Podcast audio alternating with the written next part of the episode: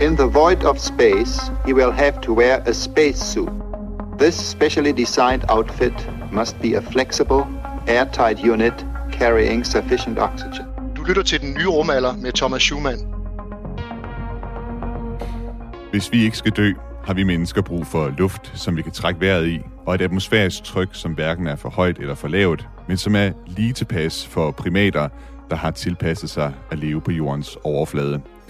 Så hvis vi mennesker skal bevæge os ud i rummets vaku- vakuum, så har vi faktisk brug for, at jorden følger med os og beskytter os. Eller sagt på en anden måde. Vi har brug for en rumdragt med ilt og det rette tryk og beskyttelse mod verdensrummets barske stråling. Uden en rumdragt, så giver det ikke meget mening at sende mennesker til hverken månen eller Mars, og derfor så er NASA nu i gang med at lave rumdragten til den første kvinde, der efter NASA's plan skal lande på månen i 2024. We need spacesuits. The Artemis generation is now revealing its spacesuits for our generation. Det kommer bare ikke til at ske, for rumdragterne til de nye måneastronauter er forsinkede, og så koster de milliarder af dollars. Man skulle tro, NASA havde styr på den her slags, når det nu lykkedes dem allerede tilbage i 60'erne og 70'erne. Så hvorfor er det så svært for dem nu? Spacesuits are so expensive because they are complex, human-shaped spacecraft. I dag så kigger vi på NASA's arbejde med at designe rumdragter til månemissioner, og så får du desuden en udførlig guide til fortidens, nutidens og fremtidens rumdragter. Du lytter til den nye rumalder. Mit navn er Thomas Schumann. Regn og dårligt vejr har sendt Boeings rumskib Starliner tilbage på værkstedet, og dermed yderligere udskudt Aerospace-gigantens første opsendelse af astronauter fra NASA. Et russisk medie beskylder amerikansk astronaut for at have boret hul i et russisk rumskib, kort efter at russerne ved en fejl snurrede den internationale rumstation ukontrolleret rundt i næsten en time. Verdens rigeste mand sagsøger NASA, fordi de ikke valgte hans rumskib til at lande mennesker på månen, men i stedet valgte Elon Musks Starship. Det er tre historier, som vi vender tilbage til til sidst i udsendelsen. Du kan selvfølgelig øh, også være med i dagens udsendelse af den nye rumalder. Du kan skrive ind på sms til 1424. Skal du sende din sms? Start beskeden med R4, et mellemrum, og så din, øh, dit spørgsmål, dit besked, eller hvad du nu har lyst til at sende herind. Nu kan jeg sige velkommen til øh, dagens gæst i programmet, Christina Tolbo. Velkommen til dig. Mange tak. Du er uddannet astrofysiker fra Niels Bohr Instituttet, og så har du arbejdet for det europæiske rumfartagentur ESA. Dit speciale det har været menneskelig udforskning af rummet og kolonisering af månen og Mars, og aktuelt er du phd studerende ved DTU Space, hvor du beskæftiger dig med navigation og styring af rumfartøjer på rumrejser ud i deep space. Det er første gang, du er med i øh, uh, det nye rumalder. Jeg kunne godt tænke mig at vide uh, først, hvordan startede din uh, fascination for, for rummet? Jamen, den startede faktisk meget konkret på øh, en dag i, øh, ja, for snart 20 år siden, da jeg var i Rundetårn med min skoleklasse, og jeg var omkring 10 år gammel. Og øh, vi havde om Tycho Brahe og universets foranderlighed og solsystemets dannelse og sådan noget ting. Og så var der en øh, guide inde i observatoriet i Rundetårn, der meget henkastet sagde, sådan, at solen den brænder jo ud om øh, 4 milliarder år, så er der jo ikke mere brændstof i solen. Og det kan jeg huske, at jeg tænkte, øh, hov, det er der, ikke nogen, der har sagt til mig før, øh, men også, at det giver da egentlig meget god mening, der er en kugle af, af noget, der brænder, det kan jo ikke nødvendigvis brænde for evigt. Og øh, så det startede både sådan lidt en, øh, en ængstelighed omkring det her med, hvor kommer det fra, hvor skal vi hen og sådan noget, men også en, en rigtig stor fascination af, hvordan virker solen, eller hvordan virker universet, hvordan virker solsystemet, og øh, hvad er det, der får det til at dreje rundt og fungere. Det er sjovt, hvordan øh, der tit er sådan en konkret historie, der ligesom får folk i gang med, med rummet. Øh, Christine, jeg, jeg, øh, jeg stødte på dig, da jeg var med til øh, Ida Space Talks her i øh, sommers, og hvor du talte om Artemis-programmet. Det er også derfor, jeg har dig med i dag, fordi øh, jeg tænkte, du vidste et eller andet om øh, rumdragter og bemandet, hvad skal man sige, udforskning i rummet. Og det skal nemlig handle om de her rumdragter i dag, fordi der i sidste øh, uge øh, udkom en øh, rapport fra den amerikanske regering, øh, om, hvordan NASA bruger deres skattedollars. Øh, det er sådan et, øh, et kontor, der hedder Office of Inspector, Inspector General, der udgiver rapporter fra tid til anden om, hvordan NASA bruger penge på forskellige projekter. Og der stod der altså, at NASA er forsinket i at udvikle de rumdragter, som astronauterne skal have på ved den planlagte månelanding i 2024. Altså den første månelanding siden 1971 eller 72, er det i 20 72. 72 er det vist, ja. Yes. Desuden så er budgettet øh, overskrevet på de her rumdragter, så de såkaldte X-EMU-dragter, øh, som de hedder, nok kommer til at øh, samlet set at kommer til at koste en milliard dollars at udvikle. Vi dykker senere mere ned i, hvad det er, der er gået galt lige præcis med de her nye rumdragter i, i udviklingen af dem. Men til at starte med, Christine, kan du ikke lige prøve at forklare, hvor svært er det overhovedet at lave en rumdragt i forhold til eksempelvis en, en dykkerdragt?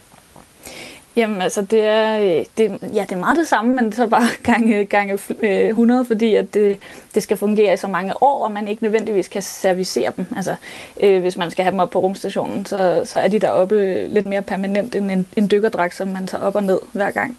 Øh, så er der også nogle andre faktorer i rummet, som, som gør det endnu mere farligt at være derude. Øh, blandt andet stråling, som vi ikke har øh, problemer med, når man dykker, og også nogle ret hæftige temperatursvingninger, afhængig af, hvor man lige befinder sig. Så har man også nogle ret lange missioner, altså sådan en, øh, en EVA, som det hedder, hvor man bevæger sig uden for sin, sin kapsel, eller øh, går ud i det frie rum i sin rumdragt. Øh, den, den varer tit op til 8-9 timer, så man skal også have noget vand med, man kan drikke noget, øh, et sted, man kan komme af med sin, øh, sin affald, hvis man øh, er så uheldig at skulle på toilettet, ja. og så også øh, noget mad, i, i, i, altså hvis man er på en lang mission.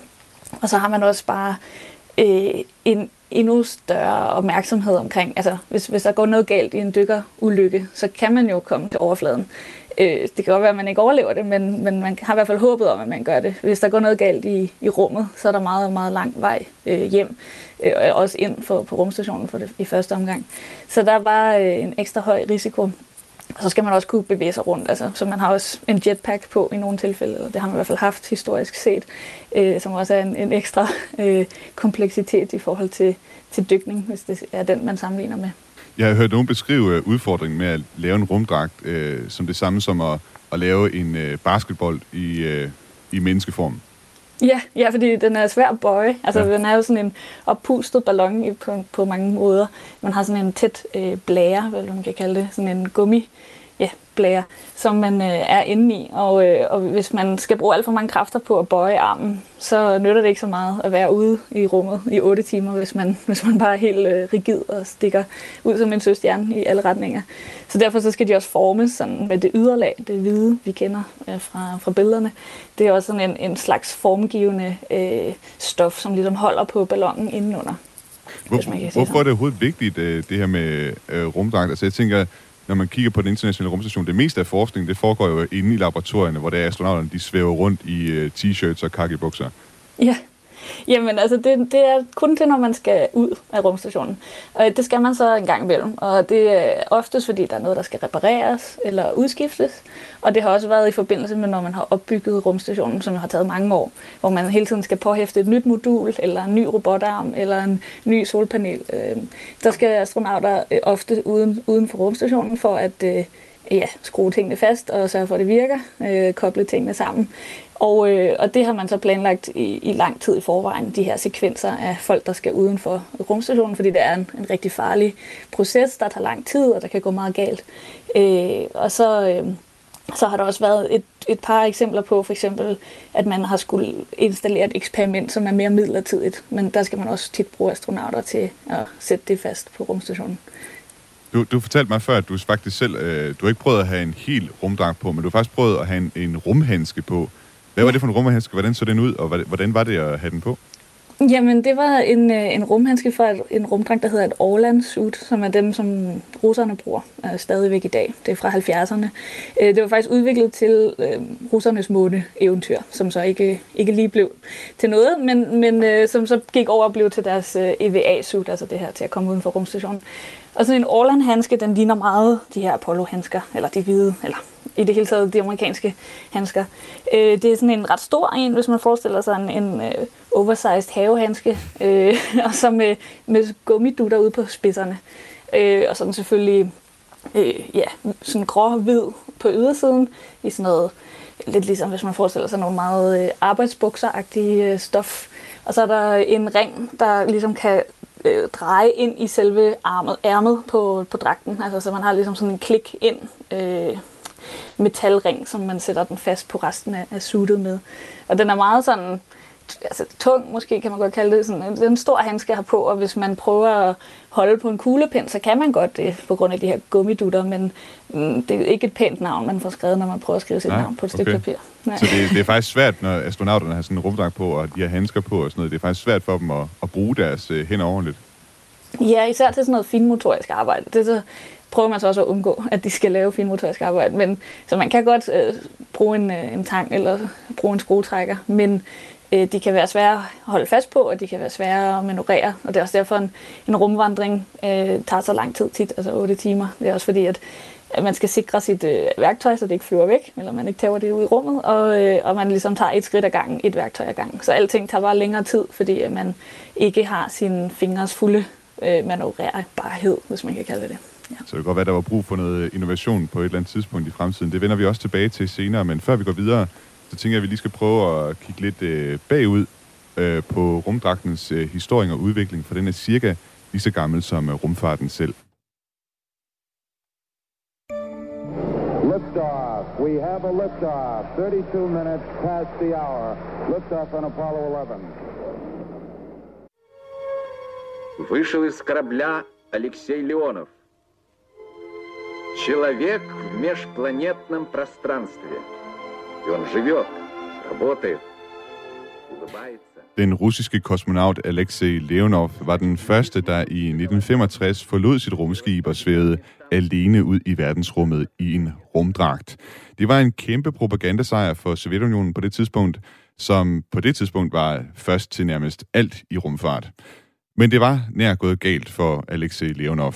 Så snart han forlod sin Voskhod rumkapsel, udvidede rumdragten sig så meget, at han ikke kunne komme ind gennem luftslusen, da han ville tilbage ind i rumkapslen. Han blev nødt til at tabe dragten for luft så meget faktisk, at han fik øh, højdesyge, altså hovedpine og kvalme på grund af mangel på ilt og det lave tryk. Det lykkedes, lykkedes ham imidlertid at komme tilbage i rumkapslen, og den legendariske kosmonaut har sidenhen fortalt, at rumdragten flød med sved efter hans anstrengelser. Neil, this is Houston. We're copying. Surface is fine and powdery. I can, I can pick it up loosely with my toe.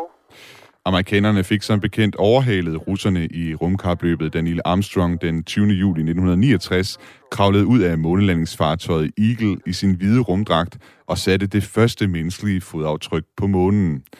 Apollo-rumdragterne indeholdt både ilt- og kølesystemer i modsætning til Alexei Leonovs rumdragt, der var forbundet til rumskibet med en slags navlestreng, der holdt kosmonauten i live. Det betød også, at de her rumdragter, som øh, astronauterne op på månen havde med, de var tunge. 81 kilo vejede Apollo-rumdragterne.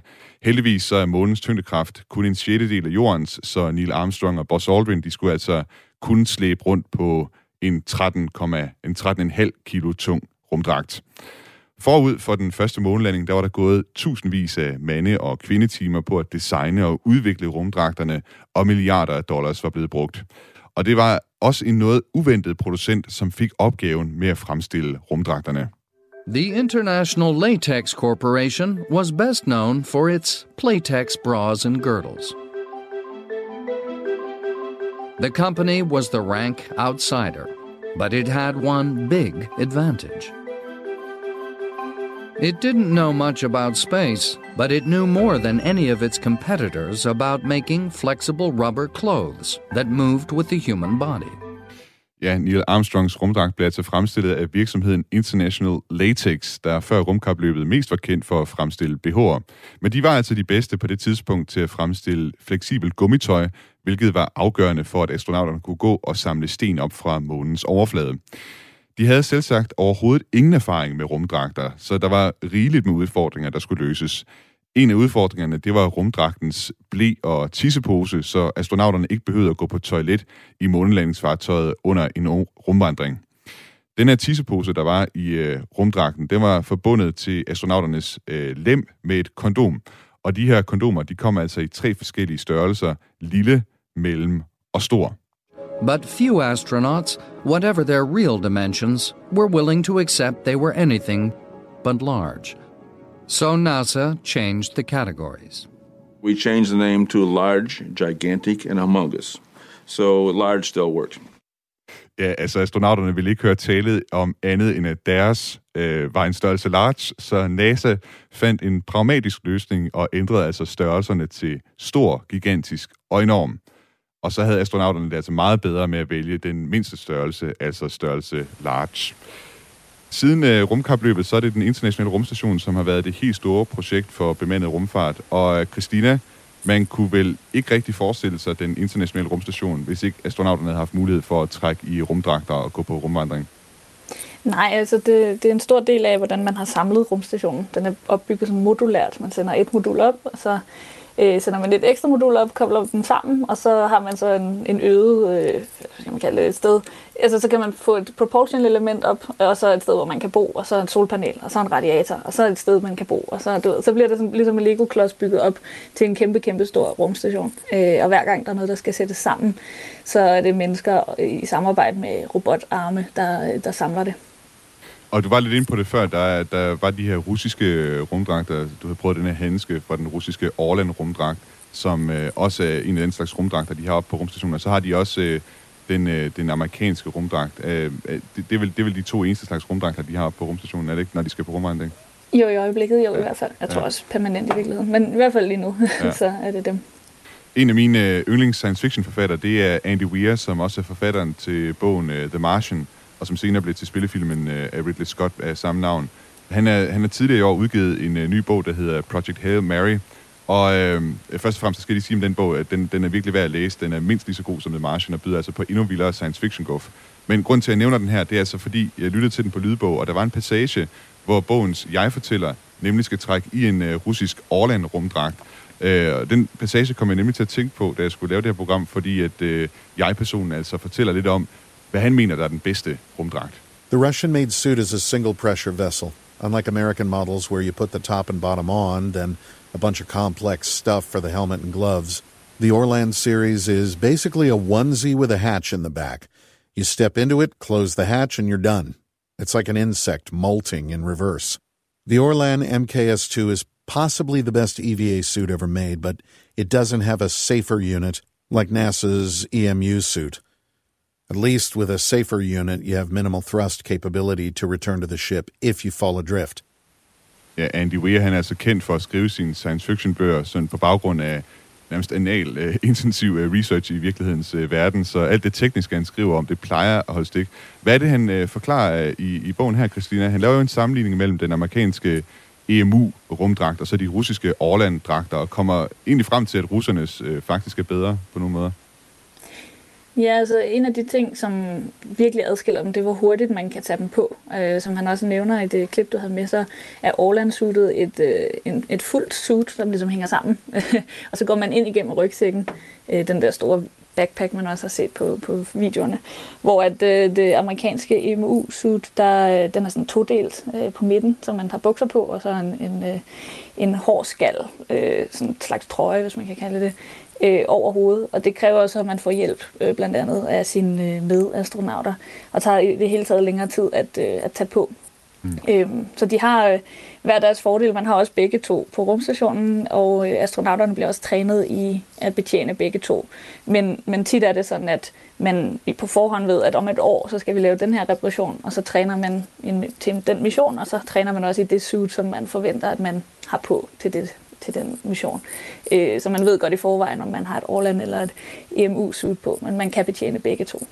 Og jeg kan sige for øh, bogen her, uh, Project Hail Mary, som Andy Weir har skrevet, er det ret vigtigt for plottet, at det nemlig er en rumdragt, som man kan tage på alene. Det vil jeg, hvad skal man sige, uh, lave som en lille teaser for, for at læse bogen.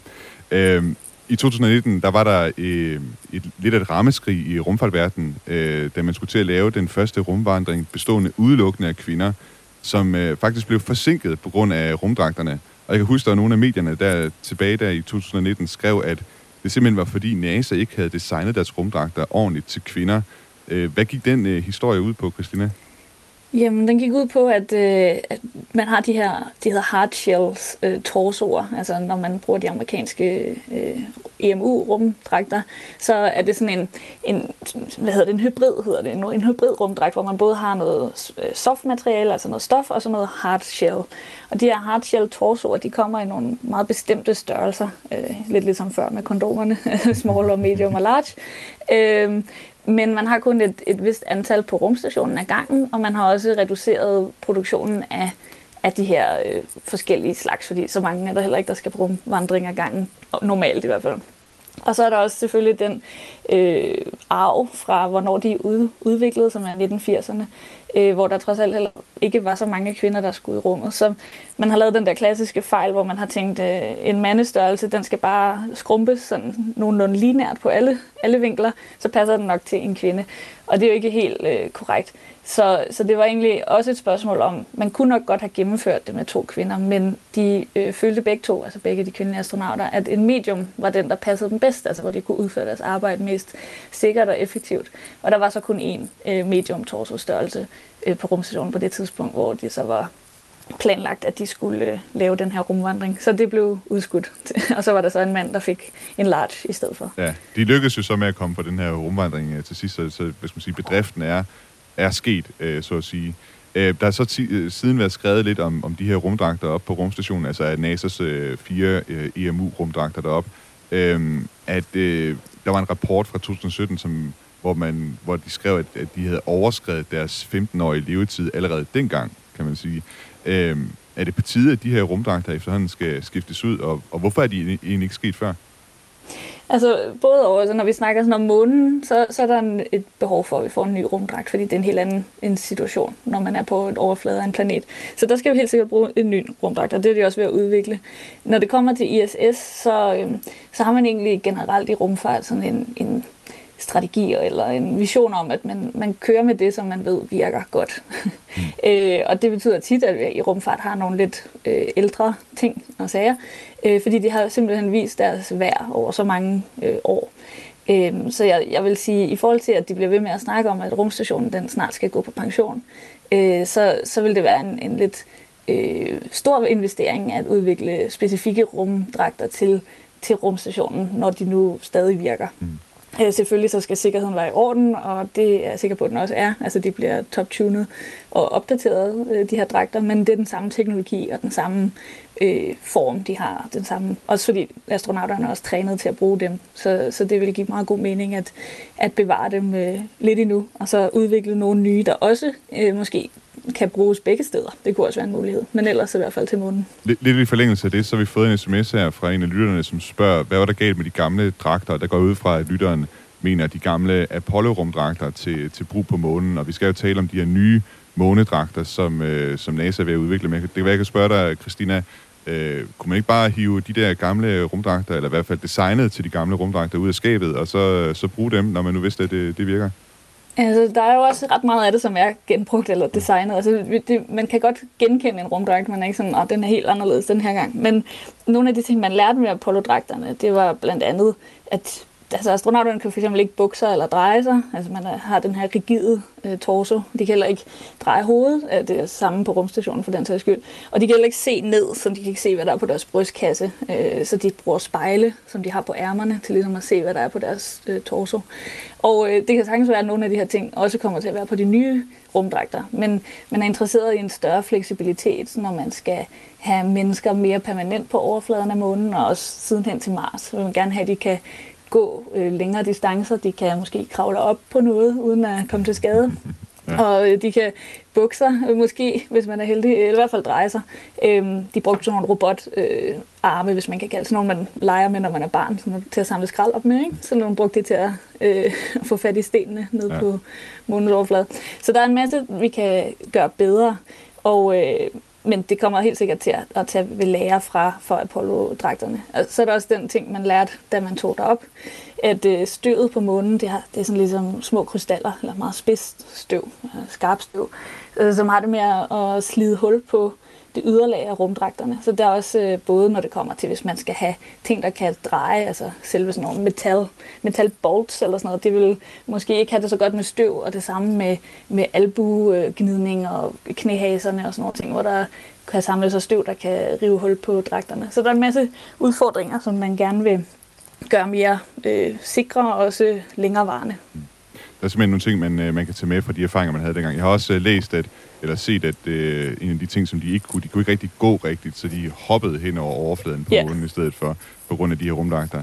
Vi skal uh, her lige om, uh, inden så længe, skal vi have nogle uh, Radio 4-nyheder, men uh, når vi vender tilbage efter dem, så uh, skal vi nemlig dykke ned i den her nye uh, rumdragt, som uh, NASA er ved at udvikle, og som altså er forsinket, uh, siger en uh, ny rapport, hvorfor NASA ikke kan nå at lande mennesker på månen i 2024. Hi, I'm Günter Hasinger. I'm the Director of Science for the European Space Agency. And you are listening to the New Romella with Thomas Schumann. Du lytter til den nye rumalder. Mit navn er Thomas Schumann, og i dag der har jeg Christina Tolbo fra DTU Space med som gæst, og vi taler om rumdragter, deres historie, nutid og fremtid. Hvis du sidder derude og har et spørgsmål eller et indspark, så kan du øh, skrive ind på sms'en på 1424 du starter din besked med R4, et mellemrum, og så din besked. We need spacesuits. The Artemis generation is now revealing its spacesuits for our generation. Sådan lød det i 2019, da daværende NASA-administrator Jim Bridenstine præsenterede den rumdragt, som den første kvinde på månen skal på, når hun træder ud på Mars' overflade, ifølge NASA i hvert fald. Dragten hedder Exploration Extravehicular Mobility Unit, eller forkortet XEMU, eller XEMU, og planen er, at den også skal bruges en gang øh, NASA vælger at sende mennesker til Mars. I første omgang så vil NASA lande mennesker på månen igen i 2024, men den tidsplan, den har vi her på den nye rumalder af flere omgange været noget skeptisk over for af mange forskellige grunde. Og i sidste uge der landede der så en rapport fra den amerikanske regering, som gav endnu en grund til at være skeptisk over for den her deadline, for NASA's nye månerumdragter er forsinket og kan tidligst være klar i 2025. Det står der i rapporten. Forsinkelsen den skyldes ifølge rapporten manglende investeringer, covid-19-pandemien og tekniske udfordringer. Øh, Christina, øh, den her nye rumdragt, som øh, NASA altså er forsinket med, er den øh, meget sværere simpelthen at udvikle end de rumdragter, Neil Armstrong og Buzz Aldrin de havde på? Ja, altså den skal kunne lidt ekstra, kan man sige. Dengang man havde øh, månelandingerne i første omgang, der var det ret korte ophold på månens overflade. Så, og det var også altid øh, i lys. Altså man, man gik kun, landede kun og gik kun ud på månens overflade, når der var sollys på overfladen. Øh, og den her gang er det jo både en dragt, som skal kunne bruges på f.eks. Sydpolen på månen, øh, hvor der er nogle andre temperaturer, der er nogle andre lysforhold. Og som du også selv nævner, så er den også planlagt, at den ligesom skal ligge kimen til, hvordan Mars-suitsene øh, skal se ud. Så på en måde er det en, mm, en, en snak om at lave et rumdragt, der kan holde længere øh, i flere forskellige situationer, og med moderne teknologi øh, og mere fleksibilitet, som vi også nævnte om før. Altså at man kan bevæge sig bedre i den, kommunikere bedre, øh, og i det hele taget ja, øh, passe flere kvinder, skulle jeg sige, også. Altså øh, lave dragterne mere modulære igen, så man kan have forskellige størrelser astronauter øh, i dem. NASA startede faktisk allerede i 2007 med at udvikle de her rumdragter, og siden da har man brugt øh, 420 millioner dollars på arbejdet. Og NASA de har skrevet kontrakt med, de har altså 27 underleverandører, der er med til at fremstille den her rumdragt. Og rapporten, som udkom, den skønner også, at øh, dragtens udvikling kan ende med at koste over en milliard dollars. Uh, de her ting, hvad fortæller det dig om uh, NASA's måde at designe den her nye rumdragt på? Ja, man kan jo altid diskutere, om det er den smarteste måde at gøre det på. Ligesom du også nævnte i starten, så havde de med Apollo-dragterne kun få underleverandører. Øh, nærmest kun én hovedunderleverandør, og så øh, et par ja, øh, der stod for det. Og den her gang med 27 øh, forskellige underleverandører og så en coronapandemi oveni, så, så bliver det øh, svært at holde styr på, at alle delene er færdige samtidig og passer sammen. Men øh, som jeg har forstået det, så er det også NASA's idé, at de i det hele taget ligger mere over på industrien. Altså de har det her Commercial Lunar Lander Program, og i det hele taget øh, mere udbyder øh, tingene og det, de snakker om, det er, at de vil udvikle det her rumdragt, og så vil de egentlig give det videre til, til industrien at forfine det og sådan noget. Så, så ideen er, at man bruger en masse penge på udvikling, finde den bedste optimale løsning, og så få nogen til at, at, at forbedre det. Øhm, men det lyder godt nok som jo mange penge, må man sige. Det må man sige, ja. Uh, Ulrik har skrevet ind på sms'en her og spørger, hvad har NASA sagt til Elon Musks tilbud om at lave rumdragter til NASA's månemissioner? Og det kan være, at vi lige skal have noget kontekst med her, fordi Elon Musk, han var nemlig øh, kort tid efter den her rapport udkom, ude på Twitter at sige, at der nok var for mange kokke i anførselstegn om at lave den her NASA-rumdragt, og så tilbød han i øvrigt, at øh, SpaceX øh, hans virksomhed altså kunne fremstille de her månedragter for øh, NASA. Øhm, men, øh, og vi ved så ikke noget om endnu, altså så vidt jeg ved, så NASA, de er stadig ved at tage stilling til den her rapport, og har ikke, hvad skal man sige, øh, været ude og kommentere på, hvad de vil gøre fremadrettet, og hvad, hvad det kommer til at betyde for programmet. Det er de stadig i tænkeboks over. Øhm, Christina, tror du, at uh, SpaceX, altså hvis, man nu, hvis nu NASA valgte at, at tage imod Elon Musk øh, tilbud om at lave øh, månerumdragter, tror du så SpaceX, de kunne gøre det bedre? Øh, jeg tror, at det, der ville ske, var, at man ville gøre begge dele sideløbende. Øh, og det kunne jeg meget vel forestille mig komme til at ske. Det virker meget øh, NASA-agtigt, vil jeg sige. Ja, ja, øh, både, na, jamen, og det er jo både, øh, altså det er dyre, men det er også en fordel, hvis en af dem ikke virker, eller hvis man øh, gerne vil have noget øh, redundancy, altså hvis den ene øh, dragt ikke virker på månen, så har man også en anden dragt, der fungerer på en helt anden måde med. Øhm, så jeg tror, SpaceX ville sikkert kunne lave nogle dele af rumdragten hurtigere og billigere, Øh, men øh, de vil måske ikke have lysten til eller pengene til at gå i forskellige retninger i starten. Altså den der udviklingsfase, der ligger helt i starten, hvor man prøver øh, forskellige muligheder af. Altså de vil have fundet den mest omkostningsfattige, øh, øh eller man siger, den bedste for en virksomhed, og så køre med den. Øh, hvor at øh, NASA vil også give penge til, til nogle helt øh, fremtidsagtige idéer, for eksempel. Det kommer, har du også snakket lidt om før. Mm. Øh, med nogle helt andre teknologier. Øhm, og det er det, som, som statslige virksomheder, eller ikke statslige virksomheder, men statslige institutioner kan, altså bruge penge på grundforskning, mm. hvor en øh, virksomhed skal ligesom tjene det ind øh, ret hurtigt. Så både ja og nej er nok det meget korte svar. Ja. Nu, ja. øh, hvad hedder det, det jeg, jeg, jeg, jeg lærte jo dig kende på øh, hvad hedder det, Ida Space Talks, hvor du holdt det her oplæg om Artemis-programmet, altså NASA's program om at, at sende mennesker tilbage til, øh, til månen. Øhm, og nu har vi den her rapport, der altså siger, at øh, rumdragterne kommer nok ikke til at være klar øh, til øh, 2024, når NASA har tænkt sig at, at lande øh, mennesker igen på, på månen. Hvornår tror du øh, personligt, øh, også med den her rapport in mente, at vi kommer til at se øh, mennesker lande på månen igen? Ja, altså jeg håber, det bliver inden øh, 2030, fordi det var det, jeg oprindeligt øh, tænkte, dengang de sagde, at det var inden 2024, eller dengang det kun øh, små, det var i 2019. Øhm, så øh, altså, det er ikke kun rumdragten, der ligesom er en, en til hinder for, at vi lander mennesker på månen. Der er også nogle andre øh, ret essentielle dele, der ikke er færdige. Øh, og der er der så et spørgsmål om enten at gennemføre det med nogle andre dele, altså et samsurium af forskellige ting, Øh, men det tror jeg ikke kommer til at ske. Så, så jeg håber, at øh, det bliver inden 2030, øh, at vi ser nogle mennesker på månen. Det, der ligesom skal til, det er, at øh, vi sender Artemis 1 op her i øh, år, øh, eller næste år, starten af næste år, som er den ubemandede øh, kapsel, hvor de tester Orion-kapslen og, og så videre. Hvis det går godt, så øh, er der Artemis 2, hvor man vil sende mennesker i kredsløb om månen, og den er så indtil videre planlagt til 22, øh, måske bliver det 23, måske bliver det også rykket. Og det skal jo også gå godt, før at vi overhovedet kan gå videre til at, øh, at sige noget med mennesker på månen. Så, så der er nogle, øh, både nogle ting, der ikke er færdige, og så er der nogle, øh, nogle steps på, på trappen, der skal gå godt, før vi kan tage det sidste skridt.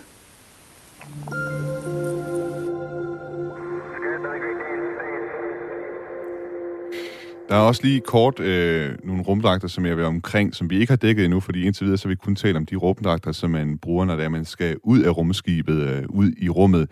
Men det er faktisk sådan, at øh, astronauterne også har øh, rumdragter på, når de sidder inde i deres øh, rumskib øh, på vej øh, op til rummet og på vej ned til jorden igen. Og der knytter sig en øh, historie øh, til det, grunden til, at astronauterne gør det, som jeg gerne lige vil øh, fortælle her. Og det er altså en historie, som øh, stammer tilbage fra 1971 og missionen Soyuz 11. Kosmonauterne Georgi Dobrovolski, Vladislav Volkov og Viktor Patsayev, de havde besøgt Sovjetunionens og på det tidspunkt verdens første rumstation Salyut 1, men havde ikke været i stand til at gå ombord, så de vendte hjem til jorden igen. Soyuz-kapslen den landede, som den skulle på steppen i det nuværende Kazakhstan, og personalet på jorden løb hen og bankede på skroget, som de plejede. Men de fik ikke noget svar. De kiggede ind af ruden i rumkapslen og så de tre kosmonauter i deres sæder. Der var mørkeblå pletter på deres ansigt, og blodet løb fra deres næser og ører. En undersøgelse viste, at kosmonauterne døde af iltmangel, da en ventil fejlagtigt blev åbnet i 168 km højde og lukkede luften ud af kapslen. Kosmonauterne døde 40 sekunder efter ventilen blev åbnet. Georgi Dobrovolski, Vladislav Volkov og Viktor Patsayev er de eneste mennesker, der er døde i rummet. Ulykken har altså betydet, at alle astronauter og kosmonauter trækker i en let rumdragt, der kan forsyne dem med luft og tryk, hvis kapslen skulle miste øh, tryk på rejsen op i rummet eller på vej ned igen. We all want to live in like, you know, that Star Trek, Star Wars world where, you know, you jump in your X-Wing and you go cruise around among the planets. Like, who doesn't watch one of those movies and imagine it, right?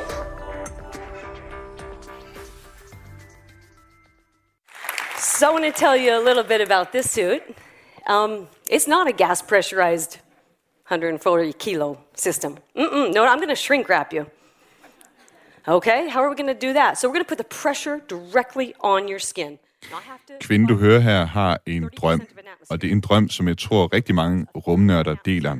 Den handler om en rumdragt, som ikke er stor og tung og besværlig, men som du kan bestige bjerge på øh, i Mars i. Kvinden hedder Dava Newman. Hun er professor ved MIT, og hun har udviklet en prototype på fremtidens rumdragt, der adskiller sig en del fra de rumdragter, vi har talt om indtil nu. Hun kalder den biosuit. Og hvis jeg skal prøve at beskrive den, så kan man sige, at det er rumfartens slim fit dragt. Den sidder helt tæt til kroppen og ligner egentlig en øh, dragt, man kunne tage på, hvis man skulle ud og stå på ski. Og man kan også sige, at alle de science fiction film, der foregår langt ud i fremtiden, forestiller sådan en dragt, som de har på der, så har du nogenlunde et billede af, hvordan den her biosuit ser ud. David Newmans idé er, at der må være en anden måde at skabe tryk på. At det er selve syningen i biosuit, der holder kroppens, der holder hvad hedder det, tryk på astronautens krop på det nødvendige tryk på 0,3 bar, i stedet for at du har en atmosfære inde i dragten. Inde i dragten. Øh, biosuit vil både skabe mere mobilitet for astronauterne, men det vil også være mere sikkert end de traditionelle rumdragter, da der ikke kan opstå øh, altså trykfald, hvis der går hul på dragten, fordi den sidder helt tæt på kroppen. Hvis der går hul på biosuit, så er det i teorien sådan, at man bare kan lappe hullet med en form for high-tech øh, space tape, altså en slags øh, gaffetape måske. Teorien om at lave rumdragter, som sidder helt tæt til kroppen, er ikke ny, men blev allerede præsenteret tilbage i slut 60'erne af, fysiker, af en fysiker ved navn Paul Webb. Øh, Christina, øh, den her idé, som øh, David Newman har om sådan en rumdragt, hvor du øh, kan lave gymnastik og, og, og bestige bjerge, øh, hvor vigtigt er det, øh, hvis vi kigger ud i fremtiden og tænker på for eksempel at og vi slå os ned på Mars og lave en, en koloni på Mars, hvor vigtigt er det så, at vi har sådan den slags rumdragter? Altså, det er i hvert fald en, en, en vigtig del øh, til dels. Altså, hvis vi kan optimere det her suit, der er også nogle, nogle problemer med det, øh, som man ikke har løst endnu. Men øh, det vil jo gøre, at vi kunne bevæge os mere frit, og vi ville kunne øh, virkelig tage på sådan en gammeldags ekspedition på Mars. Øh, I hvert fald ideelt set. Der, der er stadig det her problem med, at vi skal jo også have vores rygsæk med, med luft og vand og mad. Så, så, men det ville kunne gøre, at vi kunne bevæge os mere frit deroppe, at det ville være mere behageligt at være udenfor på, øh, på Mars' overflade eller månens overflade øh, for, for, det, for det individ, der har rumdragten på. Er det, er det et realistisk koncept, at øh, selve syningen i sådan en øh, rumdragt, at det skulle være nok, eller eller tror du, at man altså, kommer til at have brug for det, hvad skal man sige, en mere traditionel rumdragt, hvor det er øh, tryk, altså i form af luft? Jeg tror, at øh, som det er lige nu, er der nogle, altså de problemer, der er med sådan et mechanical counter pressure suit, som det også hedder, øh, det er, at man, hvad gør man med, med temperaturen for eksempel? Øh, lige nu er det sådan, at man har en kølingsdragt indenunder, øh, som, som transporterer vand rundt på ens krop i nogle små øh, rør.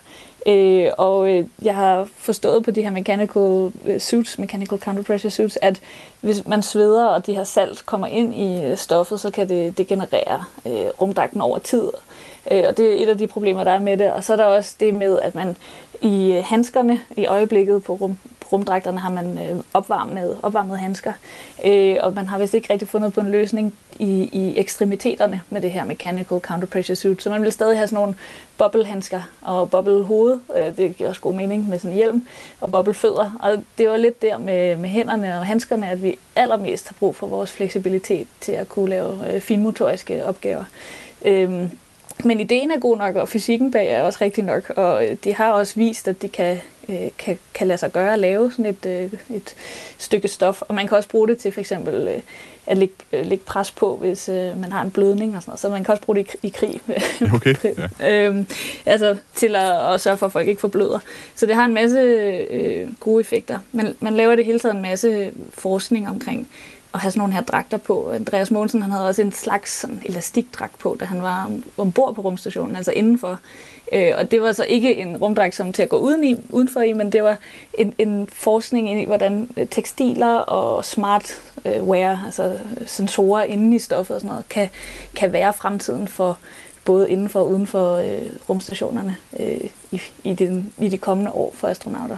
Og det er også noget med, at øh, at afhjælpe de problemer, der er med vægtløshed, at den fordi når jo, man er præcis. vægtløs, så, så, så kroppen den udvider sig, man bliver lidt længere af det, og det er måske ikke så, så sundt i virkeligheden, at så kunne den der dragt ligesom holde en lidt mere sammen. Jo, præcis. Den skulle hive hans øh, rygsøjle ja. nedad eller sammen igen. Øh, jo, det er helt korrekt. Det var, det var det, der var hovedpointen med, med, det, med det stykke stof. Men der er i hvert fald en masse forskning i alternative materialer, alternative tekstiler, og også det her med at integrere biologi, ligesom det her biosuit, altså at bruge øh, den måde, vi forstår, hvordan et biologisk væsen fungerer på i vores øh, materialer og i vores øh, tekstiler. Vi har en øh, lytter her, der hedder Jan, som har skrevet, kan du ikke forklare, hvordan dragterne klarede de enorme temperaturforskelle mellem at være i sol eller skygge? Det var igen ud fra, at han mener månen her, altså for astronauterne på månen. Og så spørger han også, og, og hvordan de beskyttede mod strålingen i Van Allen, Van Allen-bæltet. Det kan være, vi lige skal skille den her ad. Lad os lige tage den der med sol og skygge øh, ja. for, for astronauterne på, øh, jamen altså vel egentlig både på månen og dem, øh, der er på rumvandring i, øh, på, på rumstationen. Du var lidt inde på det før, kan du prøve at, at beskrive det? Ja, altså man har øhm, øh, på rumstationen, der går solen op og ned 16 gange, øh, så det sker ret hurtigt, at man er solskygge, solskygge, øh, og der øh, fluktuerer temperaturen øh, ret voldsomt. Og det har man for det første, en af grundene til, at rumdragterne er sådan hvide eller grå, det er fordi, de reflekterer sollyset, sådan så øh, sort vil absorbere, ligesom man kender fra en, en sort bil. Det vil være en, en dårlig idé, så vil man få meget varme ind i rumdragten. Øh, og så er der også mange lag inde i sådan en rumdragt. Øh, det kan være op til 17 lag, men mindst 8, hvor en af dem er så den her gummiblære, som er selve det, der holder trykket, men der er også sådan nogle man kan forestille sig sådan et varmetæppe, man godt kender fra sådan en, øh, en førstehjælpskasse, sådan noget flimsy stof, der